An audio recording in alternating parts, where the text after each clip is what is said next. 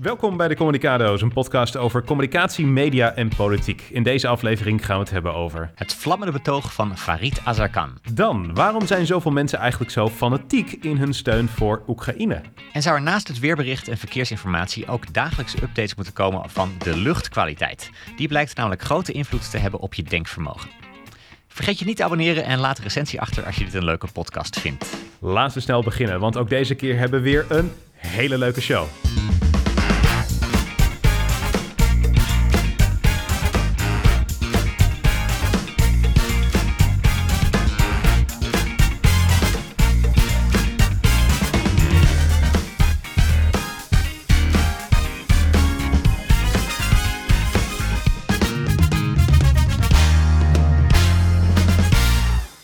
Heb jij deze week naar de algemene beschouwingen zitten kijken? Een paar uur, denk ik. Maar vooral met een uh, scheef oog. Want ik was druk met andere dingen deze week. Ja, het komt er altijd een beetje tussendoor. Het, het grappige is, de talkshows uh, die maken het ook best wel uh, belangrijk. En heel veel debatanalisten natuurlijk, die zitten er ook heel veel uren naar te kijken. Het, het viel mij op dat het 8 uur journaal op woensdag en donderdag pas op de eerste dag, dus op woensdag, na een kwartier erover berichten. En op de tweede dag pas na negen minuten. En uh, ja, er wordt wel vaak gezegd, het is het belangrijkste debat van het jaar. Maar als je kijkt hoe uh, de NOS het weegt, uh, en, en zij maken daar natuurlijk een weging van, is dit het belangrijkste nieuws? Dan, dan zeggen zij toch van, uh, moi, moi, moi, ja. moi, het valt wel mee. Ik vind het echt opvallend inderdaad, dat ze pas na een kwartier beginnen met het belangrijkste debat van het jaar. Misschien geeft het ook wel aan dat het dit jaar ja, niet over zoveel concrete dingen ging. In ieder geval niet over nieuwswaardige dingen. Ja, nou, ik denk dat het voornamelijk uh, aangeeft dat er ook ander belangrijk nieuws is. Want er was natuurlijk uh, groot uh, nieuws uit Rusland. Dus dat speelt ook wel mee. Maar meestal is dat. Jij zit ook heel erg in die bubbel. Hè? Dus jij hebt ook media optredens rondom de algemene beschouwing. En ik heb ook wel eens in het verleden, als je in zo'n mediabubbel zit, dan heb je op een gegeven moment het idee van jouw onderwerp is het belangrijkste onderwerp ever. Ja. En meestal, ja, als je dan gewoon naar het 8 uur journaal kijkt, dan, dan kan je dat wel redelijk goed in perspectief zien. Het valt eigenlijk wel mee. Ik bedoel, het is, het is een belangrijk debat. Het, het, geeft ook wel wat interessants weer. Maar ja, het, het is ook weer niet alles bepalend uh, namelijk. En ik denk dat dat ook is omdat het niet super, super concreet is, dit soort debatten. Nou, dit jaar speelde natuurlijk ook wel mee dat het debat voor een belangrijk gedeelte ging over een voorstel dat nog niet eens uitgewerkt is. He, dus als het nee. gaat over die hele discussie over de tegemoetkoming in de energiekosten. Ja. Ja, dat is nog een vaag voorstel. Die ligt nog niet eens echt concreet op tafel. Dus dan krijg je denk ik ook een vaag debat. Ja, maar alles werd eigenlijk overheerst, uh, kan, kan, je wel zeggen, door uh, Thierry Baudet en de opmerkingen die hij daar maakte. I iedereen heeft het denk ik wel gezien. Het kabinet is weggelopen. De vraag is veel gesteld. Ik ben benieuwd hoe jij er tegenaan kijkt. Vind je dat het kabinet weg had moeten lopen? ik kan begrijpen dat ze zijn weggelopen. Ik denk, ik, ik doe als je mij had gevraagd van, oké, okay, we zetten het beeld nu stop en je hebt een aantal opties. Wat ga je doen? Ik weet niet mm -hmm. of ik dan geadviseerd had van, oké, okay, loop nu collectief massaal de zaal uit. Ik weet niet of het uiteindelijk daar daar een slimme actie mee is uh, geweest. Maar ik vond het een hele begrijpelijke actie. Waarom vind je het een uh, begrijpelijke actie? Nou ja, kijk, er is natuurlijk een paar keer discussie geweest over wat kan wel en wat kan niet in de Tweede Kamer. En dat is in eerste instantie natuurlijk aan de Tweede Kamer zelf en niet aan het kabinet om te besluiten wat kan in de Tweede Kamer. Het kabinet is er slechts te gast. Maar ja. ik vind dat als persoonlijke intenties en drijfveren, je persoonlijke integriteit zo nadrukkelijk in twijfel wordt getrokken, niet voor de eerste keer overigens, hè, dus herhaaldelijk in twijfel wordt getrokken, dan snap ik dat er een moment komt dat je denkt tot hier en niet verder. Nu moet het een keer afgelopen zijn. Ja, en waarom vind je het, waarom zou je zeggen van het is misschien niet slim? Nou ja, daardoor krijgt het dus natuurlijk heel veel meer aandacht dan wanneer je het gewoon had laten passeren. Dus jij zegt van het belangrijkste moment was natuurlijk dat iedereen wegliep naar aanleiding van het, ja, de, de opmerkingen van Baudet. Het is ja. natuurlijk wel zonde als dat het belangrijkste moment van de algemene politieke beschouwingen worden, want er werd zoveel belangrijkers besproken dan dat. Ja, ik, ik vind het een interessant uh, uh, ding. Ik denk eigenlijk, ik kan begrijpen dat Sigrid Kaag weggelopen is uit het debat. Want zij werd natuurlijk persoonlijk aangevallen. Haar, nou ja, haar intenties werden inderdaad in twijfel uh, getrokken. Ik kan me voorstellen dat je geen zin hebt om daarbij te zitten. En ik neem het iemand niet helemaal kwalijk als je zegt van... oké okay, jongens, hi, hi, hier zit ik hier niet voor, zoek het maar uit. Of het hele kabinet weg had moeten lopen, ik vind dat echt wel iets waarvan ik denk van nee, dat had zeker niet moeten gebeuren. Het is natuurlijk zo dat de Tweede Kamer, uh, het parlement, is, is het hoogste orgaan uh, wat we hebben. Het is zo dat uh, het kabinet daar zit om te luisteren naar het hoogste orgaan. Het, het, moet niet zo zijn dat jij als regering kan zeggen van nou wij kiezen de momenten uit waarop we naar het parlement gaan luisteren en wanneer we dat niet gaan doen. Of wanneer we ons ter verantwoording laten roepen en wanneer niet. Dus ik kan de emotionele reactie bij Sigrid Kaag wel goed plaatsen. Mensen. Maar bij uh, Mark Rutte en bij de andere ministers denk ik wel dat er andere argumenten spelen die ook wel doorslaggevend had mogen zijn. Ja, maar in dit geval is dat de democratie. Ja, maar toen zij wegliep, had de rest ook geen keuze meer. Je kan natuurlijk niet allemaal blijven zitten terwijl één minister wegloopt die persoonlijk wordt aangevallen. dat was ook een signaal geweest. Hè? Van oké, nou ja, wij vinden het interessant wat, uh, wat Baudet zegt, maar als jij even weg wil, ga gerust. Dat was, dat was echt een dolksteek geweest in de rug van Absoluut niet. Nee, nee, nee, nee. Dit, eh, je, je, kijk, het is een uitzondering dat je bij zo'n debat wegloopt. Uh, dat, dat, dat, zou echt absoluut niet mogen gebeuren, tenzij daar iets gebeurt wat echt niet door de beugel kan. Uh, dus uh, daarom zeg ik van, daarom kan ik het in het geval van Sigrid Kaag begrijpen. Maar dat betekent ook dat zij niet moet verwachten dat de rest daar ook meegaat. En het is ook zo dat zij niet het initiatief heeft genomen, hè, want het was staatssecretaris Erik van den Burg die daar uiteindelijk als eerste wegliep. ik vind overigens het video, videootje om, om, om te zien dat iedereen daar wegliep ook wel heel grappig. Want ja. je ziet sommige mensen ook eerst om zich heen kijken. Uh, wat je gebeurt daar, hier? ja, precies. Uh, Dylan Jasilke zit echt zo te kijken, zo van, nou, wat gebeurt hier? Moet ik weglopen of niet? En op een gegeven moment denkt zij ook heel resoluut van, ik pak mijn tas en ik ga er ook vandoor. Uh, Hugo van de Jonge is er ook heel snel al vandoor. Het is ook wel interessant om te zien wie de natuurlijke leiders zijn in het kabinet en wie niet. Ja, maar het is natuurlijk ook wel een poppenkast. Je kunt je überhaupt afvragen waarom het kabinet daar zit. dat Rutte daar zit, dat snap ik. Hij moet ook reageren op die vragen. De rest mhm. zegt helemaal niks. Heeft het druk met het oplossen van de crisis in Nederland. Wat doen zij daar twee dagen lang? Gewoon, ze zitten een beetje met een iPad te spelen. Proberen mails te versturen en nog dingen gedaan te krijgen. Maar er is eigenlijk natuurlijk geen reden waarom zij daar moeten zitten. Nou, jawel, om te luisteren naar wat het parlement te zeggen heeft. De algemene beschouwing, ik vind het in theorie een heel erg mooi fenomeen eigenlijk. Want eigenlijk uh, geef je alle fracties in de Tweede Kamer de kans om te zeggen van hoe zij tegen Nederland aankijken en, en wat er het komende jaar moet gebeuren. En je wil dat de hele ministersploeg daarnaar luistert, zodat ze het in zich op kunnen nemen en uh, het beleid beter kunnen aanpassen aan de wensen van de samenleving. Uh, dat zou moeten gebeuren. Ik denk dat mensen hun mails helemaal niet zouden moeten checken. Luisteren naar wat er gezegd wordt. Nou ja, het, het gaat over de begroting. Dus ik zou zeggen, zorg dat de minister-president minister van Financiën daar, uh, daarbij zitten. Nou, in dit geval is dat natuurlijk wel minister Kaag. Maar zorg dat die twee daar zitten. En of nou elke staatssecretaris daar ook moet, uh, moet gaan zitten, die, die, die, krijgen dat toch wel mee. En die krijgen het via hun medewerkers, krijgen die het ook te horen. Zoals bij alle andere debatten natuurlijk ook gebruikelijk is. Dat alleen de ministers waar het direct om gaat, dat die daar in de Tweede Kamer zitten. Wat uh, vond je van uh, het uh, betoog van uh, Azarkan? Want dat is een van de dingen die misschien wel naast het Baudet-fragment het meest is gezien van de algemene beschouwingen. Ja. Er zijn heel veel mensen die er lovend over waren. Ja, ja terecht. Ik, we hebben het wel eens zo in onze trainingen en analyses over pathos. Hè? Dus de, de, het, het, het, gevoel, de emotie die je oproept. En dit was nou echt ja. een, een, speech van anderhalf minuut. Daar zat pathos in. Hè? Dus je zag dat hij geraakt werd door wat er in de Tweede Kamer gebeurt. Maar je zag ook dat zijn speech anderen En ik denk dat dit de eerste keer is dat, dat iemand van Denk eigenlijk een soort van collectief applaus heeft gekregen van de hele Kamer en het kabinet. Ook, Zelfs het kabinet zat op de bankjes te roffelen van hier zijn we het heel erg mee eens. Maar niet vanwege de pathos, uh, denk ik. Ik denk dat er zeker pathos in zit. Maar ik denk dat er bij uh, Farid Azarkan regelmatig pathos in zit. Ik denk dat het daar zelfs niet heel erg aan schort. Want ik denk dat het over het algemeen een vrij populistische partij is. Waar niks mis mee is. Maar er zit heel veel pathos in, bedoel ik te zeggen. Ik denk de reden waarom dit uiteindelijk resoneerde bij heel veel mensen... is omdat dit de gewone gemiddelde man en vrouw in Doetinchem bereikte. Die vinden dit ook een goed verhaal. En uh, dat is iets wat Denk zelden voor elkaar krijgt. Uh, ze zijn heel sterk bij hun eigen achterban en misschien de kiezers die daar net omheen zitten. Maar de gemiddelde Nederlander weten ze niet zo goed te bereiken. En met dit verhaal wist hij die kiezer wel goed te bereiken. Want eigenlijk wat hij, wat hij had, want het was een aanval op Wilders. Want Wilders had een punt gemaakt over Nederlanders die slecht af zijn vanwege de oorlog in de Oekraïne. En toen uh, had hij verzwegen, want die Nederlanders stonden in een krantartikel, geloof van de Telegraaf. En hij had verzwegen dat uh, die werden geholpen door een, ja. een islamitische, ik geloof buurman of buurvrouw. En dat is nou hetgeen waarvan uh, Farid Azarkan zei, kijk, zie je wel, het is de moslims weer die, die, die hier behulpzaam zijn. Dus ja, hij zette ze op een hele vlijende manier neer. En net daarvoor had hij ook een motie ingediend die specifiek ging over het, het ja, die, waarin uh, de, de, islam werd weggezet als een, uh, als een kwaadaardige ideologie. Hè? Dus hij reageerde ook op die, op die motie die daar net voor was, was ingediend. Ik vond het strategisch knap ook van Azarkan dat hij mm -hmm. eigenlijk het, de actie van het kabinet om weg te lopen omarmde. Mhm. Want hij had ook kunnen zeggen: jullie daar in vak K, jullie zijn hypocriet. Want jullie lopen weg als Kaag wordt aangevallen en jullie blijven zitten als, uh, als een miljoen moslims worden aangevallen. Had ook gekund. Was voor een filmpje naar de eigen achterban misschien wel net zo sterk geweest. Maar in plaats van dat hij het vak K als vijand koos, koos hij hier Wilders als vijand en omarmde ook de, de acties van het kabinet. En hij zei ook echt, het is terecht dat jullie zijn weggelopen. Uh, maar ik vraag me wel af waar die solidariteit naar moslims blijft. En ook dat is een reden waarom hij zoveel applaus uit de Tweede Kamer uh, kreeg. Dat hij omarmde eigenlijk de rest van de Kamer en zocht die gemeenschappelijke vijand in Wilders. Ja, precies. Ja, een van de dingen die je ook uh, ziet is dat partijen allerlei uh, filmpjes uh, van de algemene beschouwingen op internet plaatsen, op sociale media voornamelijk.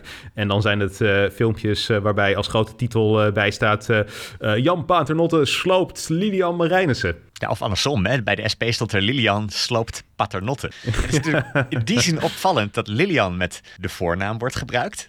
En Paternotte ja, als achternaam, hè? Precies, maar het is natuurlijk voor de SP'ers is het onze Lilian, hè?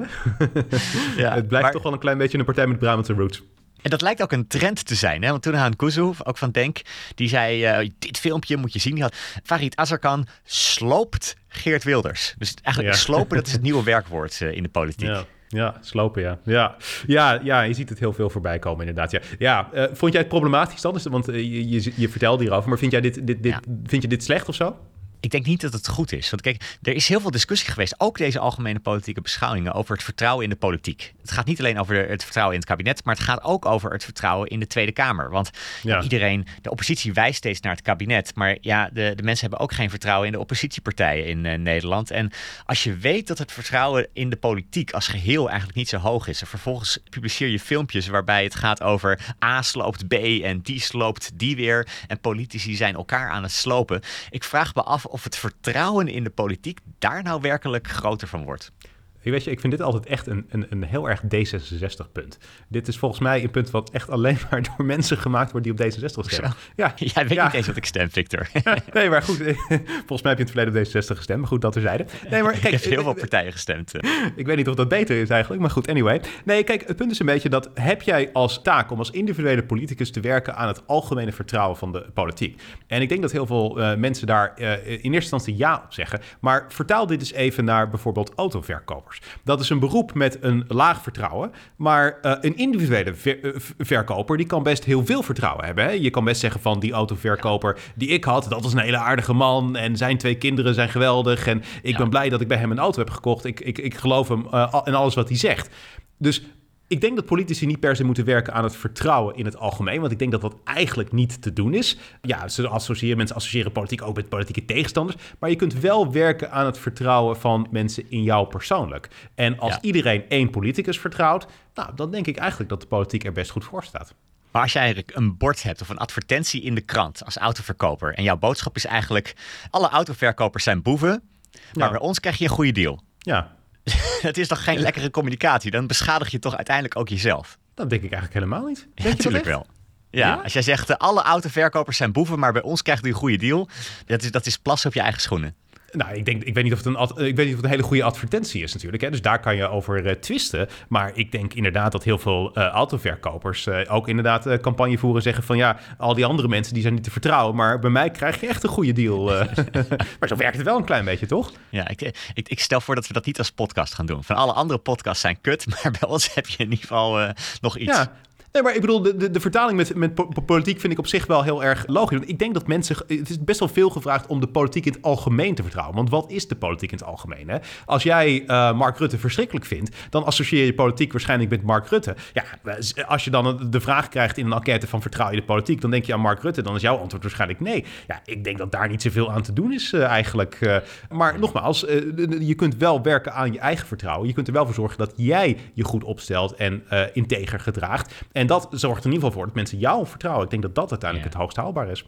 Ja, ik denk dat filmpjes met slopen in de titel niet helpen. We zijn weer een klein beetje watjes, uh, zie ik al vandaag. Hè? Er mag niet weer uh, een harde discussie worden gevoerd. Het moet allemaal weer met de mantel beliefde bedekt worden. Er mag niet gezegd worden wat respectvol. we echt vinden. Je moet respectvol zijn. Oh my god, jezus, oh het erg.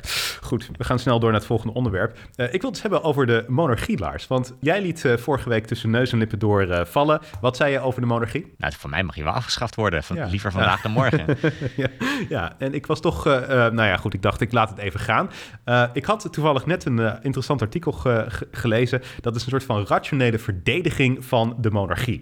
En het is een artikel uh, wat ik las op de Substack van Ed West. Dat is een uh, Britse journalist uh, en ook columnist. En die heeft tegenwoordig een Substack waar je voor je kunt abonneren en dat soort dingen. En dat doet hij eigenlijk best wel goed. Ik heb, vond het best wel een interessant artikel wat mij nieuwe inzichten gaf over de monarchie. Dit is natuurlijk een week geweest waarin de monarchie heel erg zichtbaar was. Want we hebben natuurlijk Prinsjesdag gehad waarin Nederland de monarchie zichtbaar was. Maar in Groot-Brittannië natuurlijk ook met de, de, de uitvaart van Queen Elizabeth. Ja, wat een overkill was dat, zeg. Ja, er was, er, was, er was af en toe wat aandacht voor in de media. Holy shit. Ja. ik heb het helemaal gemist. Ik heb er echt helemaal niks van uh, gezien. Ik vond de rationele verdediging van de monarchie op zich wel interessant. En het punt is een beetje dat monarchie... Er zijn heel veel mensen die zeggen dat het slecht is. En dat begrijp ik ergens ook wel. Want als je een nieuw systeem zou ontworpen... Uh, dan zou je waarschijnlijk niet denken van... we hebben een monarchie nodig. Uh, in theorie is het eigenlijk een best wel slecht idee. Alleen wat deze auteur uh, zegt is van, maar in de praktijk werkt het wel. En dat is eigenlijk best wel iets wat ik interessant vind. Dat vind ik een interessante insteek. Theoretisch gezien slecht idee, praktisch gezien werkt het toevallig wel. Hm. En hij heeft een aantal uh, vergelijkingen die hij trekt. Ik, ik, wil eigenlijk liever in op de argumenten, maar hij, hij, hij, vergelijkt bijvoorbeeld landen die in elkaars omgeving liggen, die uh, een beetje op elkaar lijken, maar dan één land met een monarchie en één land zonder een monarchie. En dan zie je vaak dat de landen met monarchie net wat beter af zijn. Dus bijvoorbeeld Syrië en Jordanië zijn vergelijkbaar, liggen in hetzelfde deel van de wereld.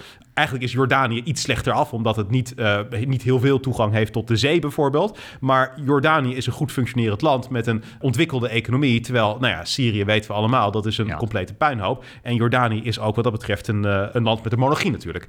Uh, je kan ook het, het, het, Rusland in het Tsaar-tijdperk vergelijken met het uh, Rusland onder de communisten. En in beide periodes was het een vrij verschrikkelijk land om in te leven. Maar in het Tsaren-tijdperk was het toch een heel stuk minder erg dan in het communistische tijdperk, waar echt ongelooflijk veel Russen zijn omgebracht. Dus dat zou erop duiden dat er best wel voordelen zitten aan de monarchie. Is het, is het niet gevaarlijk om vooral dan naar het, uh, het nu te kijken? Want nu is Syrië natuurlijk een puinhoop. Ja. Maar voordat de oorlog daar uitbrak, was het volgens mij in Syrië zeker niet minder. Hij schrijft dat sinds de, de, de, de, de, Franse, de onafhankelijkheid van de Fransen, dat uh, Syrië daar al een uh, puinhoop is. En dat het niet kon meekomen daar met Jordanië. Maar goed, ik ben verder niet expert op dat wereldgebied. Dus dat weet ik niet, kan ik niet echt duiden. Maar hij zegt het specifiek, de kijkt inderdaad langer. Maar eigenlijk, om, daarom zeg ik ook, het gaat me niet per se om de voorbeelden. Het gaat me eigenlijk meer om de argumenten die ik wel interessant vind. En er zaten twee argumenten in die ik op zich wel interessant vond. Eén daarvan is namelijk dat de koning houdt gekozen politici nederig. En wat hij eigenlijk zegt is van een koning heeft zijn positie niet te danken aan een prestatie. Het is niet alsof hij iets gedaan heeft waardoor hij op het schild gehezen is. Uh, het is niet meritocratisch, het is aristocratisch. En dat betekent dat als hij het niet verdiend heeft, dan heeft hij ook niet recht op allerlei pracht en praal. Hij heeft die positie niet verworven, niet verdiend. En daarom vinden we het ook heel erg problematisch dat hij allerlei luxe heeft. Dus een koning heeft altijd een veel lagere standaard van luxe dan heel veel mensen die uh, op een meritocratische wijze op een bepaalde positie zijn gekomen. Uh, er wordt bijvoorbeeld aangehaald het verschil tussen een, de, op, de, zeg maar de aankomst van uh, destijds ja. Prins Charles en president Donald Trump. Prins Charles kwam gewoon in een auto, hij stapte uit en een nieuwe gebouw binnen. Donald Trump kwam aanzetten en er waren een, een, een motorcade van tien auto's uh, met, met meerdere presidentiële limousines die uh, echt uh, gigantisch veel geld kosten. 1,5 miljoen dollar per stuk. En daar heeft de Amerikaanse president er overigens 10 van. Dus dat is echt gigantisch veel geld. Maar een aantal van die limousines op rij plus toch allerlei beveiligingen. En dan kwam president Trump uitstappen.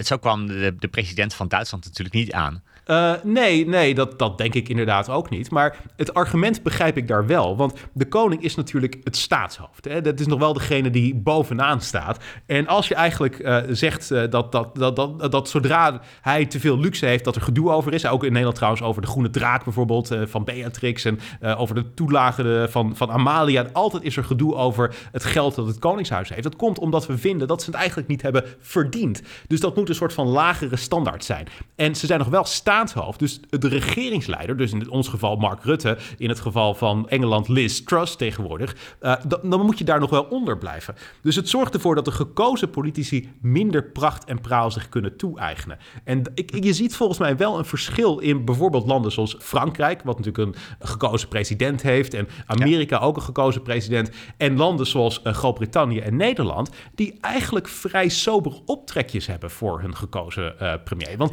onze premier zit in het Nou, dat stelt niet zo heel veel voor als ik zo vrij mag zijn. 10 Downing Street is ook niet super duper geweldig. Het, het, eigenlijk houdt het onze politici misschien wel nederig. Dus als ik het goed begrijp, het gaat dus niet zozeer erom dat het Koningshuis nederig wordt gehouden, maar die andere politie. Want Precies. Ja, de, de Queen heeft een vermogen van, uh, van 30, 40 miljard, geloof ik. Het is echt bizar als je daar die bezittingen van het Britse Koningshuis bij elkaar gaat optellen.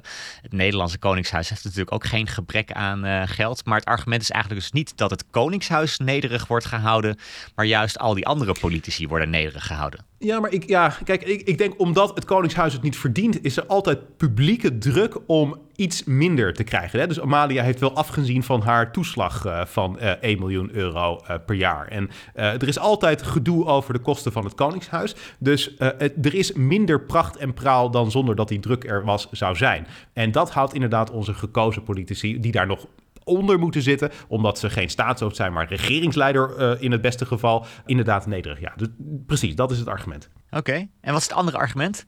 Het bevordert vertrouwen in elkaar. En dat noemen ze social trust. Hè? En dat is een, iets wat een sociologisch uh, principe is wat heel belangrijk is. Als er veel social trust is, dan is er meer vertrouwen in ja, strangers, hè? Dus, dus vreemden. En dan, ja. dat leidt tot minder criminaliteit, maar ook minder corruptie.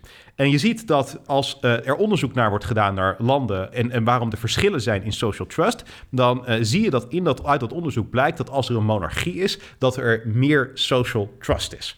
En heel concreet betekent dat in de top 10 van de minst corrupte landen staan zeven monarchieën. Waaronder overigens Nederland, dus dat is ook heel mooi, maar ook onder andere Denemarken en Zweden en Noorwegen, de bekende Scandinavische landen die altijd hoog scoren op dit soort vlakken. Overal scoren ze hoog. En wat doen ze ja. daar?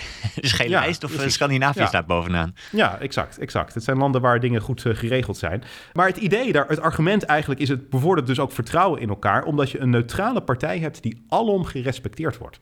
Denk bijvoorbeeld aan Maxima. Er is niemand in Nederland, zelfs felle tegenstanders van het Koningshuis, die Maxima niet geweldig vinden. We denken van, dit is gewoon iemand, een, een topvrouw is het. En niet zomaar in de zin nou. van, uh, Linda de Mol kan je ook, of nou ja, misschien kon in het verleden ook een topvrouw vinden. Maar dat is toch anders, want Linda de Mol heeft geen ontmoetingen met, met, met allerlei regeringsleiders. Die gaat niet naar de Verenigde Naties om daar te gaan speechen. Maxima natuurlijk wel. Dus we vinden haar sympathiek en we zetten haar op een soort van voetstuk. En dat doen we met bijna niemand anders. En wat is nou mijn punt? In een, een staatsbestel met een gekozen president heb je niet zo'n figuur. In Amerika is de president niet alom gerespecteerd. Het is altijd door de ene helft van het land wel en de andere helft van het land niet. Ja, Nee, maar dat vind ik eigenlijk het enige argument waarvan ik denk, die kan, daar kan ik me ook wel wat bij voorstellen. Want heel vaak zie je natuurlijk in andere landen dat een president gebonden is aan een partij. Of ja. uh, om verkiezingen te winnen, ja. specifieke beloftes heeft gedaan, bijvoorbeeld richting één particuliere achterban, waardoor je eigenlijk ja. bij, per definitie op het moment dat je die functie krijgt, uh, niet het vertrouwen hebt van een groot deel van de bevolking. Dus daar kan ik ja. me voorstellen, als je niet die beloftes hebt moeten doen, als je niet die verkiezingsstrijd hebt hoeven voeren, dan is de kans groter dat je een groot draagvlak hebt in de bevolking. Hoewel we natuurlijk zien dat de koning op dit moment niet echt bepaald een lekker draagvlak heeft. Maar Maxima wel. Ja, en, ik bedoel, en er zijn problemen met de populariteit van de koning. We moeten zien hoe zich dat allemaal ontwikkelt. Maar Maxima is nog steeds een alom gerespecteerd uh, mens. En ik zou in de Amerikaanse samenleving niet iemand kunnen opnoemen die alom gerespecteerd is en op een voetstuk staat. Want ik denk dan bijna aan televisiemensen. Maar ja, om nou te zeggen van ja, George Clooney is misschien een van de meest succesvolle acteurs, maar om nou te zeggen dat hij alom gerespecteerd wordt, vind ik ook wel wat nee. ver gaan, eerlijk gezegd. En ik denk dat in het verleden zat ik te denken van... je had uh, Walter Cronkite, dat was zo'n nieuwslezer... die elke dag een publiek van, uh, nou, ik geloof iets van 15 miljoen mensen aan zich wist te binden. Uh, en, en, en dat was in de jaren 70. En LBJ heeft ooit eens een keer gezegd... if I lost Walter Cronkite, then I've lost Middle America. Met andere woorden, als ik de steun van hem was kwijt ja. was... Dan, dan had ik de steun van, van Midden-Amerika ook niet gekregen. Oprah Winfrey. Nou, die maar, had ja, toch ook een bredere support. Maar dat soort mensen zijn, ja, maar ook Oprah Winfrey is, ja, ze is inderdaad iemand die meer in die richting komt. Maar ook Oprah Winfrey zit toch wel meer in de hoek van entertainment en, en, al dat soort uh, dingen. Dus het is niet helemaal hetzelfde als wat uh, Walter Cronkite vroeger had en wat misschien Maxima in Nederland uh, had. Dus het, ik vind het echt wel wat anders. Dus het, het, het idee dat het gewoon echt daadwerkelijk een soort van verbindende kracht heeft, de monarchie. Ik denk dat daar misschien best wel eens een kern van waarheid in zou kunnen zitten. Hm. En, en daar vind ik het wel interessant, want in theorie zou ik het ook inderdaad een slecht idee vinden. Maar ik denk in de praktijk, nou, misschien werkt eigenlijk de monarchie gewoon best wel goed. Ja.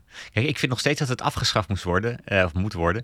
En uh, waarom je dit onderwerp wilde bespreken, dacht ik, ik duik ook een beetje in uh, wat anderen erover te zeggen hebben. Wat, wat ik verrassend vind, wat ik had verwacht dat jij als argument zou geven, als, als mm -hmm. rationele reden voor de monarchie, is dat A, je ziet als je het gaat vergelijken, dat economisch gezien het vaak beter gaat in monarchieën. Dat heeft natuurlijk een historische track record. Er zijn heel veel monarchieën in Europa waarschijnlijk en minder in uh, sommige andere delen van de wereld.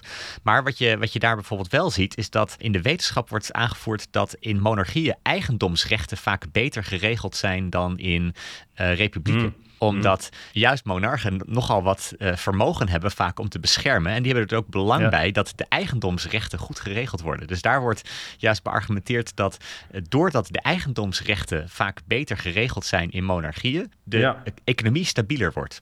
Ja, nou, nou, nou dat, dat vind ik op zich ook wel een interessant uh, ding inderdaad. Ja, ja. ja. Ik, ik, ik, ik, ik, sta er best voor open voor het feit dat wij uh, mensen gewoon behoefte hebben aan één soort van uh, figurehead die, die boven ons staat, die gewoon min of meer de leider is van het land. Ook al geeft hij niet politiek gezien leiding aan het land. Ja voor mij voelt het nog steeds. Ik weet niet of je vroeger op school wel eens uh, zeg maar van iemand had die met nagels over een schoolbord uh, ging, zeg maar. Zo voelt de monarchie voor mij. In, in alles, in het, in het diepst van mijn vezel, voelt dit als onrechtvaardig. Iets wat zo botst met alles waar wij als samenleving voor zouden moeten staan. Dat zelfs ja. als het werkt, ik tegen zou zijn. Ja, maar jij bent ook iemand die zich uh, uh, tot uh, de, de linkse intellectuele klasse vindt behoren. Dus dat is geen verbazingwekkend. Dat, vind, dat vind ik niet. Dat, dat zeg je. Dat vind jij dat wel. Oké, okay. maar goed. ik heb nog meer zitten lezen over, of in de, op de Substack van Ed West. En ik kwam daar ook een tweede artikel tegen, wat over een heel onderwerp, ander onderwerp gaat, wat niet over de monarchie gaat. En dat was eigenlijk iets wat ik echt ook maar een klein beetje zat af te vragen. Want het viel me de afgelopen tijd op dat er overal Oekraïense vlaggen te zien zijn. Er zijn heel veel uh, mensen, echt in Amsterdam en, en hier in Rotterdam, waar ik zit, uh, dat die, die hebben gewoon een Oekraïense vlag uh, ergens. Door je ziet ook. Ja, nou ja, ja, maar het verbaast me vooral dat het in de Randstad is. daar, daar zie je het echt bijzonder, bijzonder veel. Maar ook Ursula von der Leyen natuurlijk, die had bij de State of the Union speech die ze gaf, had ze een geel-blauw pak aan waarvan ik ook al dacht van, nou, dat, dat vind ik toch wel heel vergaand. Hè? Het was wel echt een heel kanariegeel pak. Ik uh, denk niet dat uh, een uh, modeadviseur daar zijn handtekening onder had gezet in elke het andere situatie. Het belangrijke steun, Victor. Solidariteit. Sta daar nou ja. eens achter. Ja, ja. Maar ook uh, bijvoorbeeld uh, uh, dat sommige taal over de Russen, ja, dat hebben we ook al eerder in deze podcast besproken. Jesse Klaver heeft ooit de acties van de Russische troepen beestachtig genoemd. Ja, dat, dat, dat is toch taal die in elke andere context, als je dingen beestachtig zou noemen, zou het volstrekt niet acceptabel zijn. Maar, maar hier wel hier feitelijk. Als je, hij zei het naar aanleiding van wat er in Bucha is gebeurd. En daar, daar, daar kun je ook wel echt spreken van beestachtig gedrag. Eh, vind ik allemaal oké. Okay. Ik, ik, ik, ik teken geen bezwaar aan tegen, tegen al die dingen. Ik zeg niet dat ik het er inhoudelijk uh, mee oneens ben. Maar Ed West in zijn artikel, en deze zal ik ook in de show notes zetten... die zegt eigenlijk dat de steun voor Oekraïne patriotisme is... voor mensen die niet van patriotisme houden. En dat vind ik denk ik wel een hele interessante observatie, want ik denk dat het echt klopt. Ik denk dat patriotisme iets is waar heel veel linkse intellectuelen op neerkijken. Hè? Want uh, dat associëren ze toch een beetje met mensen die in de provincie wonen, die wat lager zijn opgeleid, uh, die misschien wat ouder zijn, wat dikker zijn, die waarschijnlijk een beetje conservatief zijn. Dus dat is iets waar zij boven staan. Dus je gaat ook niet als hoogopgeleide langs uh, de route van de glazen koets staan, want, en zeker niet in een oranje pak, want dat is gewoon iets wat beneden jouw stand is. Je wappert ook niet met een uh, Nederlandse vlag. En je gaat ook niet al te uitbundig in een oranje pak Koningsdag vieren.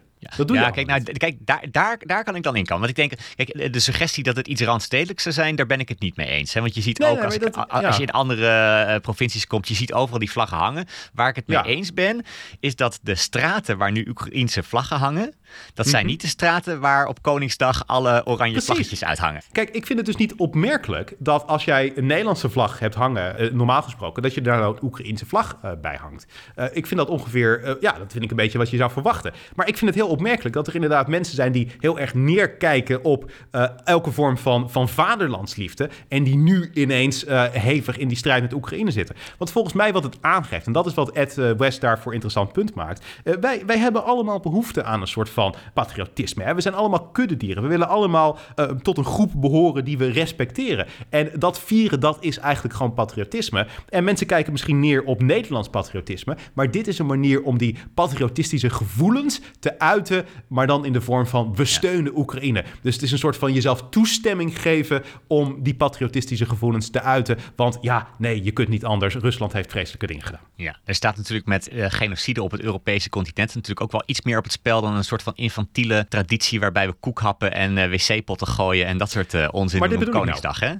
Ja, maar dit bedoel ik nou. jij bent gewoon totaal je brein verloren met deze. Er is geen. elke, elke, elke opmerking die jij maakt over Oekraïne, die, die is allemaal zeer pathos beladen en dergelijke. Er zit uh, heel veel in zo van we moeten ze steunen. Als ik dingen zeg van, nou, Oekraïne is slechts 99,9% perfect, dan ben jij boos over het feit dat ik niet heb gezegd dat ze 100% perfect zijn. Het oh, punt is een beetje, dat is ergens gewoon dat patriotisme in jou. Wat, wat, jij hebt ook dat verlangen naar patriotisme. En weet je wat het is? En daarom haal ik die vlag ook aan en die opmerking van Jesse Klaver. Dat doet natuurlijk niks om Oekraïne te steunen. Ik bedoel, die sancties die hebben een effect. Het leveren van wapens hebben een effect. Maar het, het, ophangen van een Oekraïense vlag heeft nul effect. Het is gewoon voor jouw eigen gevoel. Het is jouw eigen patriotistische verlangen waar je op inspeelt. Ja, en uh, ook, uh, kijk, we zien natuurlijk, wat ik, wat ik me afvroeg, hè, want ik denk dat het terecht is dat we Oekraïne zo steunen. Hè? Maar je kunt je afvragen waar die steun was toen uh, Tsjetsjenië met de grond gelijk werd gemaakt. Of hele steden daar natuurlijk, Syrië. Dus ik, ik, ik, ik, zie wel dat er een soort van speciaal gevoel wordt opgeroepen hier, nu, nu het om Oekraïne gaat. Ik denk wat daar meespeelt zijn eigenlijk twee dingen. Eén, dat Oekraïne natuurlijk heel nadrukkelijk heeft gezegd, wij zijn Europees. Wij voelen ons Europees. Mhm. Wij willen ook echt aansluiting zoeken bij Europa. Dat is één. Dus, dus dan voelt het heel erg als één van ons die wordt aangevallen. Uh, twee, dat hier natuurlijk ook wat het, wat het in die zin anders maakt, dat Poetin in al zijn retoriek zich ook een vijand toont van het hele Westen. dus hij op, op, de Russische televisie wordt gedreigd met nucleaire wapens op, eh, op West-Europa. Groot-Brittannië dat met de grond gelijk wordt gemaakt. Baltische staten en uh, Polen in de retoriek van Poetin horen eigenlijk ook bij, uh, bij Rusland. Ik denk dat dat natuurlijk ook veel eerder wordt aangevallen als een aanval op ons allemaal. Dus willen wij ook Precies. iets tonen. En in die zin is de Oekraïense vlag natuurlijk ook een symbool voor het anti-Poetin, het anti-Russische sentiment. We, we hadden ook Russische vlaggen hier in, in de fik kunnen steken. Maar ik denk dat die Oekraïense vlag daar voor veel mensen een, een beschaafdere manier is om onze steun uh, ook, uh, en solidariteit tot uiting te brengen. Het is hetzelfde wat gebeurde na 11 september. Dat uh, elke Amerikaanse politicus die ging een speldje op zijn revers dragen met de Amerikaanse uh, vlag daarop. Het is iets wat een symbolische betekenis heeft, maar het geeft je vooral een goed gevoel over jezelf. Dat is waarom mensen een vlag ophangen. En ik denk inderdaad dat Poetin ze ja, toestemming heeft gegeven eigenlijk om dat, dat patriotistische sentiment in zichzelf maar een beetje uit te diepen. Eigenlijk is, is, is Poetin een soort van postcode loterij. mensen doen ook niet mee vanwege de goede doelen. Dat zeggen ze. Ze doen eigenlijk gewoon mee omdat ze geld willen verdienen, maar ze verkopen aan zichzelf dat ze meedoen vanwege de goede doelen, omdat ze zichzelf daardoor beter voelen. Poetin stelt ons in staat om de patriotistische verlangens in ons helemaal bot te vieren. Ik weet niet of ik die, of ik die analogie tussen de postcode loterij en Poetin helemaal kan volgen, Victor. je moet uh, spoel hem even terug. Uh, het klopt allemaal, geloof ik. ja, nee, maar weet je wat het is? Kijk, volgens mij, wij zijn allemaal mensen die verlangen naar patriotisme. Want en, ik denk, een, een conservatieve levensstijl is denk ik de, de, de levensstijl die het dichtste bij onze natuur staat. Ik denk dat we eigenlijk allemaal conservatief zijn. Alleen sommige mensen vinden het modieuzer om progressief te zijn. En dan krijg je dus dat ze zich verheven voelen boven dit soort uh, sentimenten, zoals patriotisme. Maar eigenlijk willen ze wel degelijk patriotistisch zijn. En Poetin heeft ze de mogelijkheid gegeven om dat helemaal uit te leven. Dat is wat hier gaande is. Ja, dat is dan weer jouw duiding. Want uh, ja, ja, ja, volgens jou wil iedereen conservatief zijn. En ik denk dat je daar enorm in vergist. Dit is, ik, het is niet helemaal uh, mijn eigen analyse, want ik heb het, het artikel van Ed West aangehaald. Het is een beetje letterlijk wat hij zegt. Volgens mij is dat ook gewoon waar. Hè? Ik bedoel, volgens mij is een conservatieve levensstijl gewoon de, de menselijke default. En dat, uh, ik bedoel, daarmee is het niet beter per se, maar ik denk wel dat het meer inspeelt op menselijke emoties. En het is niet gezegd dat we daarmee altijd conservatief moeten zijn. Ik denk dat er goed is dat er iets tegenover staat, maar ik denk wel dat het progressieve zijn is rationeler. Het is meer bedacht. En het, ja, ik denk dat het goed is als mensen hun oerinstincten soms uh, onderdrukken en uh, kiezen voor niet alleen wat Tuurlijk. goed is voor henzelf, maar ook goed is voor anderen. Tuurlijk, ja, nee, dat ben ik ja. ook met je eens, ja. ja zeker. Maar we, we komen er gewoon achter dat jij enorm ja, ik zou bijna willen zeggen, patriotistisch bent. Het is gewoon, uh, ja, dit is gewoon een nieuwe kant van jou die we hier ontdekken. Ik, ik ben iemand in ieder geval die heel erg de neiging voelt om me af te zetten tegen al het verschrikkelijks wat, uh, wat Poetin op de wereld uitstort. En natuurlijk, natuurlijk vooral wat hij op dit moment op de Oekraïners uitstort. Heb jij een Oekraïnse vlag hangen? Uh, niet buiten. Nee, we hebben wel op de, op de keukentafel uh, eens staan. Maar dat heeft natuurlijk een andere reden. Omdat Milena niet eens uit uh, buiten. Oekraïne komt. Ja. Niet eens buiten, niet eens buiten. Oké, okay, ja, nee, goed. maar dit, dit, Oké, okay, bewijs min of meer een punt. Maar goed, we hebben er genoeg over gesproken. Laten we het hebben over luchtvervuiling. Want ik zei het al even, of jij zei het al even in de aankondiging. je had het idee van, je hebt een podcast zitten luisteren. Dat is een podcast die jij graag luistert. Ja. En daarin hadden ze, over, hadden ze het over dat er een soort bericht moet komen op de radio ochtends... na het weerbericht en de informatie ook een bericht over de luchtkwaliteit. Want dat heeft een grote invloed op hoe ons brein functioneert eigenlijk. Ja, ja, inderdaad. Ja. Want ik, ik, ik, was best geschokt toen ik het luisterde. Want kijk, dat luchtvervuiling meer doden veroorzaakt dan sigaretten, oorlog, auto-ongelukken. Ik denk dat veel mensen nou ja, misschien daar niet enorm van schrikken. Maar dat, ja, dat is wel zo. En dit heb je gehoord in de Freakonomics podcast, uh, geloof klopt, ik. Klopt, uh, ook ja, link uh, even in de show notes. Maar dat was niet het mm. punt wat deze podcast maakte. Want mm. wat het punt was dat deze podcast maakte, is dat er heel veel bewijs is dat het luchtvervuiling effect heeft op je lichaam. dus dat je daar uh, op je longen, je hart en zo, uh, dat, je, dat, je, daar schade van krijgt. Maar er is ook dus heel veel bewijs dat het je hersenen beïnvloedt en je cognitieve mogelijkheden. En ja, zelfs ja. daar was langer bekend dat er lange termijn effecten zijn. Maar wat voor mij mhm. echt shocking was en, en, en nieuw is, er zijn dus heel veel korte termijn gevolgen van luchtvervuiling. En je kan echt op een aantal punten zien dat de luchtvervuiling die dag invloed heeft op je cognitieve vaardigheden. Even een paar voorbeelden. Ja, ja. Uh, je ziet bijvoorbeeld dat eh, als studenten uh, examens hebben. Mm -hmm. Er is onderzoek in gedaan in Amerika in 10.000 schooldistricten. En mm -hmm. je zag dat als PM2.5, dat is zeg maar fijnstof, de kleine particles, ja. um, als die hoger zijn, dan zie je onmiddellijk die dag een daling in de uh, toets- en examencijfers op scholen. Dus ja, je kan ja. echt een directe correlatie zien tussen uh, hoe schoon de lucht is die dag en hoe goed ja. de cijfers zijn op school. En dus als er letterlijk meer verkeer door de straten rijdt, dan uh, zie je gewoon een afname van schoolprestaties. Ja, en je, je ziet dat uh, in heel veel onderzoeken is al aangetoond dat als je op die dag dus blootgesteld wordt aan meer luchtverontreiniging, dan heb je uh, meer moeite om je te concentreren, je geheugen te gebruiken, je productiviteit loopt uh, terug. Er is hmm anekdotisch bewijs. Ik vind dat altijd niet het sterkste bewijs. Waar ze echt hebben bijvoorbeeld geteld dat scheidsrechters meer fouten maken op het moment ja. dat er die dag veel luchtvervuiling was in de sport. Nou ja, daarvan kun je zeggen van, nou, is dat nou echt het sterkste bewijs? Maar uh, ze halen daar ook echt grootschalig bewijs uh, aan. Bijvoorbeeld in China. Ja. In China is er wel uh, wat opmerkelijks gebeurd. Daar uh, hadden ze op een gegeven moment in een groot gebied hadden ze gezegd: Weet je wat, iedereen boven een bepaalde rivier, de, de Huai, die geven we centrale verwarming en gratis kolen. Want het is boven die rivier, kan het best, uh, best koud zijn. Dus wat we doen, is we geven iedereen gewoon centrale verwarming en, uh, en, uh, en gratis kolen. Iedereen onder die rivier, die ja. is pech. Geven we niks. Dus gewoon ja. kou lijden, deal with it. En wat je zou verwachten, is dat natuurlijk die mensen boven de rivier, ten noorden van de rivier, dat die hiervan zouden profiteren. Want ja, die krijgen ja. een cadeautje, die krijgen verwarming um, en ja. zo. Je zag het tegenovergestelde. Want wat je zag is dat juist die groep ten noorden, daar ging de levensverwachting naar beneden. Die werden drie jaar uh, minder oud dan degene ten zuiden. En je zag ook dat ze gemiddeld echt één jaar minder onderwijs genoten, 13% minder inkomen hadden op de lange termijn. En je zag ineens een hele, ja, een hele grote kloof ontstaan uh, op basis van die twee gebieden. En verder waren die twee gebieden volledig vergelijkbaar. Door het huisvestingsbeleid in China zeiden ze ook, had je eigenlijk nauwelijks mensen die van noord naar zuid verhuizen of andersom. Dus je kon eigenlijk hier hier heel goed zien wat er gebeurt op het moment dat er in een bepaald gebied de, de luchtkwaliteit naar beneden gaat. En Ja, voor mij was het echt schokkend dat het zo'n direct effect heeft. Ook korte termijn op, jou, op jouw hersenen, op, jou, op jouw nou brein. precies, want dat vind ik nog het meest opmerkelijke. Want inderdaad, dat langetermijn effect, ik denk dat ik daar wel het een en ander over heb gehoord. Ik moet dan ook denken, denken aan de mensen die in eh Velsen wonen, bij in de gemeente Velsen, en Muiden is dat, de Tata Steel eh, eh, fabriek. eh, dat, dat, dat, daar is natuurlijk mensen die, die daar nogal wat schade hebben ondervonden. Maar dus dat je op dagelijkse basis fluctuaties ziet als de luchtkwaliteit beter of slechter is, gaat je, ga, ga je zelf ook minder of meer presteren. Ja, en wat, en wat ze in de, in de podcast in het begin deden, is hadden een paar spotjes gemaakt van stel nou dat dit 's ochtends op de radio zou zijn. Dus dat je, dat Ja. je niet alleen de weersinformatie hebt, dat je de fileberichten hebt, maar dat je een berichtje hoort van eh, let op, de luchtverontreiniging is, is vandaag iets boven de norm, of misschien wel heel erg boven de norm. Eh, als je vandaag een belangrijke meeting hebt of een belangrijke toets, kijk dan of je die kan uitstellen.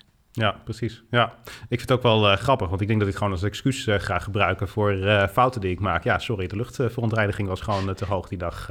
Sorry, Wibi, dat ik je heb aangevallen, maar het lag aan de, vrucht, de luchtverontreiniging. Ja, ja, jij woont natuurlijk in Rotterdam, dus jouw, jouw bijdrage aan deze podcast kunnen we ook op een andere manier interpreteren inmiddels. Ik wou zeggen, er zijn volgens mij heel veel afleveringen waar je kunt zien dat de luchtverontreiniging verontreiniging die dag hoog is. Ja, ja dat ben ik Ja. met je eens, ja.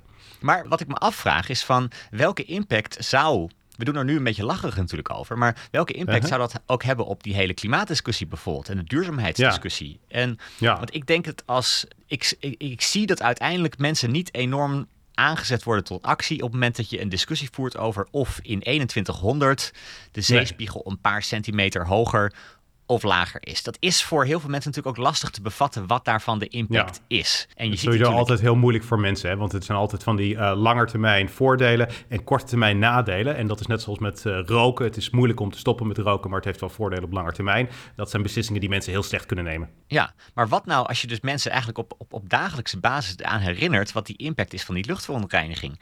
Dan denk ik Ja. dat het aantal mensen dat daar toch wel van schrikt en denkt, oei, misschien moeten we toch een 30 kilometer zone hebben in de hele binnenstad of eh, in, Ja. in het gebied. Misschien moeten we toch iets minder groei van Schiphol hebben of misschien zelfs wel krimp hebben van, eh, van Schiphol. Ja. Al, ik wist niet dat het zo erg was. Kijk, ik, ik heb in het verleden wel eens getwijfeld aan de cognitieve vermogens van de Schiphol-top. Met Benschop eh, voorop.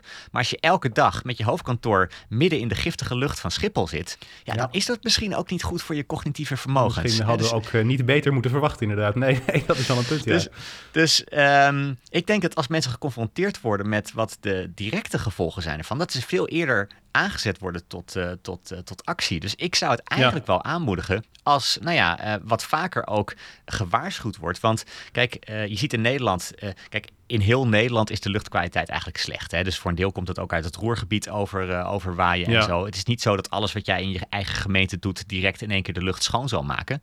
Maar je ziet wel degelijk grote schommelingen ook in, in Nederland. En als je daar alleen al voor waarschuwt en mensen bewust maakt van het effect van die luchtverontreiniging, ja, dan, Ja. Dan, dan wordt dat wel meer top of mind. In de Apple eh, Weers-app eh, die je hebt op jouw eh, Apple Watch, daar kan je het ook inzien. Als je de Weer-app opent, dan zie je altijd de UV-index staan en daarboven de luchtkwaliteit.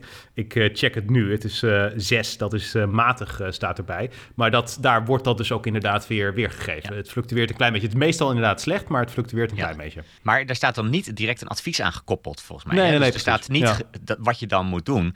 En ik zat ook een beetje aan mezelf te denken. Kijk, wij worden beide regelmatig gevraagd om in, dan in zaaltjes een dag lang met een eh, groep aan de slag te gaan. En dan word je Ja. uitgenodigd in, in locaties als de Witte Bergen. Dat is een grote congreslocatie langs de, langs de snelweg.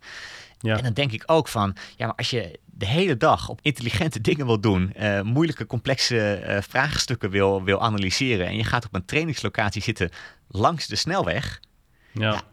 met de kennis die hier is, is, is dat misschien ook niet de beste keuze dan voor een eh, dagje op de hei. Het eh, voordeel is dat eh, de deelnemers eh, net zo goed minder scherp zijn en dat ze jouw fouten als trainer dan ook minder snel opmerken. Ja, maar het is toch ook, misschien als, als, als congresorganisatie, ik zou daar best, ik, ik zou daar best rekening Nou, het pleit wel mee voor het bos. houden. Ja. Het pleit wel voor, Ja. de bos, voor het bos en de hei, inderdaad. Ja. Ik, ik moet zeggen, toen, als ik dit zo hoorde, dan denk ik zelfs van... ja, ik woon inderdaad in de stad. Dat woon jij trouwens ook. Maar dan het pleit er zelfs voor om inderdaad misschien wat meer in de buitenwijk te gaan wonen. Ja, ook omdat je dus ja, de, de, de cognitieve vermogens van, van jou, van, eh, van, van, van Ja. kinderen, van de mensen om je heen, ja, die, die worden hier echt door beïnvloed. En ik ben wel vaker geconfronteerd. Ik ken iemand die heeft een kind die heeft astma. Ja. En die voelde zich een beetje bezwaard om naar de crash te gaan voor, de eerst, voor het eerst. Want die, die had als een kind met een puffertje. En die dacht van ja, ja. moet ik helemaal op de crash gaan uitleggen hoe zo'n puffertje werkt. En uh, dacht van ja, de, gedoe, gedoe, hoe reageren ze daar op de crash voor? Dus die kwam bij de crash en, en, dit was in Rotterdam, waarop de crash direct reageerde, oh nee, zet daar maar neer hoor. er stonden er acht puffertjes op een rij. Dus kijk, de, gevolgen van luchtverontreiniging, die zijn natuurlijk in heel veel andere opzichten wel uh, zichtbaar. Maar dat ook je brein, je cognitieve vermogens door beïnvloed worden, zelfs op dagelijkse basis. Ja, voor mij was het, uh, was het nieuw. Wat ook, uh, ik las toevallig laatst een uh, artikel over een trend in Amerika. En daar ging het ook onder andere over het feit dat luchtvervuiling ook een van de oorzaken is. Dat zo is dat mannen minder testosteron hebben tegenwoordig dan 50 jaar geleden. En echt wel aanzienlijk. Er is echt in de westerse wereld een vrij sterke daling te zien van hoeveel testosteron wij hebben. En dat is een daling die ook nog niet stop is gezet. Het is nog steeds gaande, die daling. En wat dat precies betekent, dat weten we niet helemaal. Want is dat de reden bijvoorbeeld dat we tegenwoordig minder kinderen hebben? Nou, het zou kunnen, maar dat is moeilijk uh, de conclusies daaruit uh, te trekken. Ja. Uh, maar dat heeft dus ook te maken voor een deel met luchtverontwaardiging. Ja, verontreiniging. ja, en ik vermoed dat vooral links-Amerika zich hier enorme zorgen om maakt waarschijnlijk. Nou, nee. nee, want het opmerkelijke was dat uh, uh, omdat we dus uh, minder testosteron hebben tegenwoordig, zijn er bepaalde republikeinen die het nu in hun hoofd hebben gehaald om hun eh, ballen, zeg maar, onder een ja, UV-licht te zetten. Dus je hebt van die machines waar je gewoon in gaat staan en dan worden je ballen met UV-licht bestraald. Nee. Met het idee dat je lichaam nog meer testosteron gaat aanmaken. Ja. Je maakt wie, wie doet dat?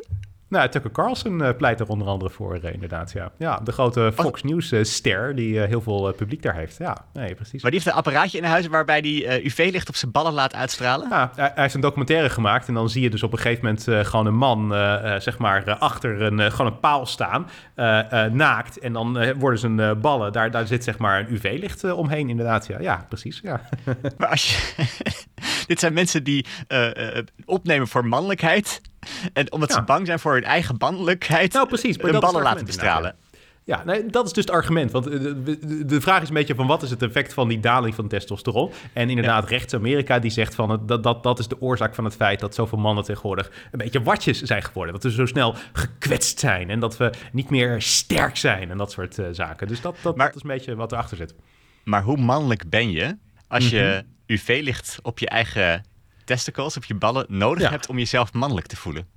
nou ja, niet mannelijk te voelen. Misschien ben je dus ook wel echt mannelijker. Ik bedoel, als het echt zo is dat wij met z'n allen minder mannelijk zijn vanwege het feit dat wij echt aanzienlijk minder testosteron hebben dan 50 jaar geleden, dan, en dit zou een oplossing zijn die werkt, en dat weten we ook nog niet helemaal zeker. Het is niet uitgesloten dat het een effect heeft, maar dan, dan zou dit niet zo'n hele gekke oplossing zijn. Dus er zit een bepaalde logica achter. Uh, maar goed, uh, ik neem aan dat jij het maar niet, niet gaat doen binnenkort. Je weet dat je gewoon testosteronzalf hebt die op je armen smeert? Ja, maar dat is een heel, heel, heel, heel, heel, heel klein. Het is, nou, het is eigenlijk nauwelijks. Uh, het is voor mensen die een tekort hebben, dan kan dat. Uh, maar het, geeft je nauwelijks testosteron. Ik bedoel, als je echt gewoon meer testosteron wil, dan kan je natuurlijk ook gewoon anabolen uh, laten injecteren. Hè? Dat is wat mensen die op de sportschool zitten. Maar dat is niet per se. Dat is, dat, dat is waarschijnlijk weer ongezond en dat kan gevaren met zich meebrengen dat je onvruchtbaar wordt. Maar gewoon op een natuurlijke manier je testosteron verhogen. En ja, nou ja, goed, wellicht UV-licht op je ballen helpt. Ja, goed. We weten niet of het werkt. Ik, ik weet het niet. Het schijnt, niet, het, het schijnt niet niet wetenschappelijk bewezen te zijn, maar uh, het, het, het, is ook niet uitgesloten dat het een effect heeft. Maar goed, okay. luchtverontreiniging is dus ook verantwoordelijk voor onze daling in testosteron. Obesitas heeft er overigens ook mee te maken, dus er zijn wel meerdere oorzaken. Dit, dit zou ook een goede boodschap zijn op de, op de radio misschien. Van uh, zorg nu dat je iets doet aan de luchtverontreiniging, want anders moeten we straks allemaal zo'n bestralingsapparaatje thuis hebben om onze ja. ballen te bestralen. Ja, nou ja, anders worden allemaal watjes. Dat is gewoon wat er gaat gebeuren inderdaad. Ja, ja, ja.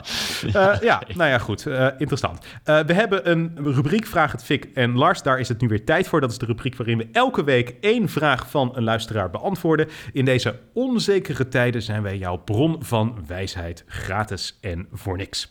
Je kunt ons een vraag stellen door een mailtje te sturen naar vraaghetvikanlars.gmail.com. Dat mag een vraag zijn om advies, om onze mening of iets persoonlijks en zelfs impertinents. De vraag van deze week komt van Joris. Hoi Victor en Lars, ik heb weer een vraag voor jullie. Vorige aflevering hadden jullie het over het geven van tips, maar hoe ga je nou om met het ontvangen van tips? Iedereen die een tip geeft, doet dat natuurlijk met goede bedoelingen en die tips zullen voor hunzelf ook altijd wel goed zijn, maar niet per se voor mij. En verschillende tips die je krijgt kunnen ook tegenstrijdig zijn. Hoe beoordeel je nou of een tip ook echt goed is voor jezelf? Groeten, Joris. Goeie vraag. Nee, want mijn eerste reactie was: hoe reageer je op een uh, tip door dankjewel te zeggen? En ik denk dat heel veel mensen daar al de mist in gaan. Dat ze ook proberen daar inhoudelijk op te reageren en dan weer in het defensief geraken en zo. Als iemand je een tip ja. geeft, dankjewel. Maar dat is de vorm. En hij vraagt ook heel duidelijk van uh, welke tips zijn nou goede tips? Waar moet ik wat mee doen? Hoe herken je nou waardevolle feedback en hoe kan je het onderscheiden van ja, dingen die voor mensen zelf hebben geholpen, maar die misschien niet voor jou nuttig zijn? Ja, ik zat erover na te denken. Uh, volgens mij om te beginnen door uh, tips te beschouwen als een nuttige mening, maar niet als de waarheid. Hè, dus als mhm. iemand bijvoorbeeld tegen jou zegt, je spreekt te snel, dan mhm. klopt dat voor die ander, maar dat betekent niet dat je per definitie te snel spreekt. Nee. En uh, als je echt twijfelt of iets een goede tip is en, en, je wil het wel checken, kan je natuurlijk altijd bij anderen controleren of ze het ermee eens zijn of een, aan, aan, een mentor voorleggen of, of je daarmee eens bent. Dus dat was eigenlijk het eerste wat ik dacht van let goed op, het is een nuttige mening, maar je moet niet doen dat als iemand iets zegt, dat het dan noodzakelijkerwijs ook zo is. Het is altijd perceptie in the eye of the beholder, hè, zoals de eh, Britten dat, uh, dat zeggen. Wat ik ook dacht is, mhm. kijk, volgens mij moet je een heel scherp oog houden zelf voor hoofd- en bijzaken. Mhm. En als ik iemand uh, coach, dan probeer ik altijd die hoofdzaken samen op te stellen. Van hoe wil je overkomen? Wat vind je belangrijk? Want als je die voor jezelf op een rij hebt gezet, dan kan je daar ook aan toetsen. Dus stel bijvoorbeeld hè, dat je het belangrijk vindt om sympathiek over te komen dan is het heel nuttig om te weten als andere mensen je arrogant vinden overkomen. Maar ik denk in jouw geval, uh, het kan je niks schelen als sommige mensen jou arrogant vinden, want jouw primaire doel is niet om aardig gevonden te worden. En ik denk dat het best kan helpen om voor jezelf een soort van hiërarchie ook aan te brengen van wat zijn de dingen die ik nou echt belangrijk vind, omdat je dat kan gebruiken om te toetsen of de feedback die je krijgt, de tip die je krijgt, daadwerkelijk iets is waar je iets aan wil veranderen. Of, want anders riskeer je namelijk dat je in één keer dat aardig gevonden uh, belangrijker gaat maken dan, nou ja, misschien wel dat, je, dat, je, dat, je, dat, je, dat jij juist vindt dat je uh, alles moet kunnen zeggen wat je, wat je vindt of authentiek moet overkomen en niet continu het gevoel wil hebben dat je jezelf in een corset moet drukken bijvoorbeeld. Hè? Want die botsen soms, die adviezen en, wat je, en, en, en je overtuigingen van wat jij belangrijk vindt. Ja, dat denk ik ook inderdaad, ja. En daarom denk ik ook altijd, ik vind het waardevol om uh, tips te krijgen van uh, mensen die weten met, wel, eh, met welk doel ik bezig ben. Waar die weten waar ik mee aan het werk ben, zeg maar, wat ik, wat wil bereiken. Want dat zijn altijd tips die meer van meedenkend kunnen zijn. Dus daar hecht ik ook inderdaad wel meer waarde aan, ja. Ik ben ook geneigd om te denken dat aan een individuele tip of een individueel punt van feedback moet je eigenlijk zelden echt heel veel waarde hechten.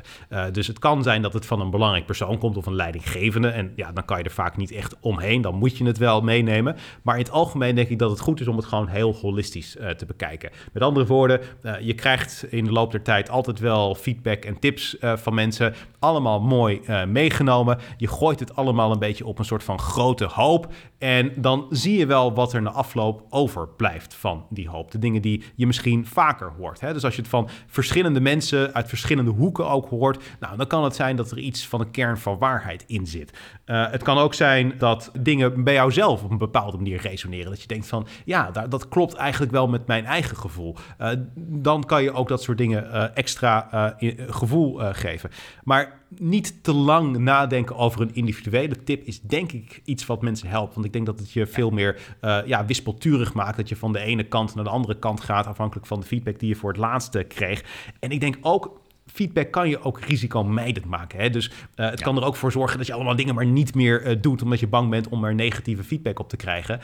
Uh, dat is ook vaak niet heel erg ideaal. Callcenter medewerkers krijgen heel veel feedback en ze worden enorm risicomijdend. Dat is niet wenselijk. Nee. Ja, ik denk daar in, en, en daar bovenop, want ik ben het hier heel erg mee eens, moet je volgens mij ook goed uh, kijken van hoeveel wil je veranderen op basis van een tip. Uh, wat ik heel vaak zie is dat waar het eigenlijk misgaat, is als mensen iets 180 graden anders proberen te doen op basis van advies. Ja. Dus je krijgt, eh, de ene keer krijg je als tip, ik vind dat je te snel spreekt. En dan denk je, nou, ik ga alles doen om te voorkomen dat ik die tip nog een keer krijg. En dan is je reflex om dan veel te langzaam te spreken. Ja. En ik denk dat dat dus het gevaar is. Dus dat je zelf, je kan jezelf ook voornemen dat als je, als je advies krijgt en tips krijgt, probeer elke keer 1, 2 procent aan te passen. Kijk een beetje of dat bevalt, hoe dat overkomt. Maar probeer nooit op basis van één advies uh, radicaal te veranderen hoe je bent of hoe je doet. Nee, precies. Nee, dat denk ik inderdaad ook wel, ja. Ja, ja, ja. Uh, en ik, ik denk als laatste hierbij is het misschien ook wel nuttig om te zeggen. Ik denk dat het goed is om een uh, internal frame of reference te hebben in plaats van een external frame of reference. We hebben het ooit eens een keer in de podcast hier was eerder over gehad. Um, ik, een external frame of reference betekent dat andere mensen hun mening belangrijk is om uh, te bepalen of jij uh, iets goed hebt gedaan of niet. Uh, dus jij hebt uh, bijvoorbeeld, uh, om even het voorbeeld van jou, Lars, een presentatie te nemen. is het dan zo dat andere mensen bepalen dat het goed ging of dat je dat zelf bepaalt? Een internal frame of reference, dan bepaal je dat zelf. En dat betekent niet dat je de feedback bij een internal frame of reference niet meeneemt. Dat doe je wel degelijk, want bij een presentatie is het natuurlijk ook zo dat het publiek er wel wat over te zeggen heeft. Hè? Als het publiek het heel slecht vindt, dan kan jij wel zeggen van ja, maar ik heb het wel goed gedaan. Nou ja, waarschijnlijk is het dan nog steeds niet goed gevallen. Maar het betekent wel dat je uh, je eigen doelen daarvoor opstelt en dat je probeert te kijken van heb ik misschien een stap in de goede richting gezet. Dus misschien was de presentatie nog steeds niet ideaal. Uh, er zijn nog verbeterstappen mogelijk, maar je kunt het wel goed vinden omdat je wel 2% beter was, om het maar even uh, zo te zeggen, dan de vorige keer. Uh, ja. Dat is het ontwikkelen van een internal frame of reference. En dat is als je volgens mij met zelfontwikkeling bezig bent, altijd ook wel heel goed om uh, te hebben. Laat anderen niet bepalen of jij iets goed of fout hebt gedaan. ja, daar hebben ze misschien een stem in, dat kan je je laten beïnvloeden, maar uiteindelijk ja. ben jij degene die daarover beslist. Ja, precies. Ook omdat natuurlijk de, de mensen die jou feedback geven en die jou evalueren bijvoorbeeld, soms ook heel verschillend kunnen zijn. Het, ja. dus ik, ik zou al heel snel kunnen denken dat uh, mijn internationale klussen veel beter gaan dan mijn Nederlandse klussen. Want nou ja, als je bij de Europese Commissie iets, uh, iets doet, dan krijg je, ja, je, je struikelt over de tienen. Want mensen vonden het gewoon goed en ze geven je een tien. In, ja. in, in Nederland, op een evaluatieformulier, je moet het echt wel heel goed doen voordat een Nederlander denkt, nou, ik vond dit zo goed, ik geef een 10. Ja. He, dus die, die groepen zijn niet altijd vergelijkbaar. En soms is er natuurlijk ook iets gebeurd waar je nee. geen invloed op hebt. Als, als, nee. als, jij in het middagprogramma zit en mensen hebben s ochtends echt de sufste sessie ooit gehad, ja, kan dat ja. ook weer impact hebben. Dus ik denk dat daar een zekere interne, interne frame of reference ook wel belangrijk kan zijn om uh, scherper te zien wat echt de impact is van, uh, van jouw handelen. Ja. Dank je Joris voor jouw vraag. Vraag het Fik en Lars gmail.com is het adres waar ook jij je vraag naartoe kunt sturen. Goed, dit was weer deze aflevering van de Communicado's. We hebben geen nieuwe recensie erbij gekregen, maar je bent je natuurlijk je bent vrij om dat wel te doen. Sterker nog, abonneren en recenseren stellen we zeer op prijs. Volgende week zijn we er een weekje niet. Ik ben namelijk een paar dagen in het buitenland uh, voor werk. De week daarop zijn we er weer wel. En dan hebben we ook direct weer een hele speciale aflevering. Dus uh, ik ga er verder nog niets over zeggen, want dat is een grote verrassing. Maar voor nu een hele fijne dag. Hoi hoi.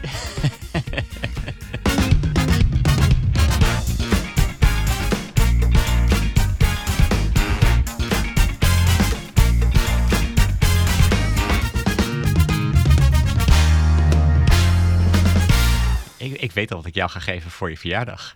Nee, was niet bij verjaardag. Nee, maar ik weet wel wat ik jou ga geven voor je verjaardag. Wat dan? Zo'n bestraalapparaatje. Dat jij je ballen kan uh, bestralen.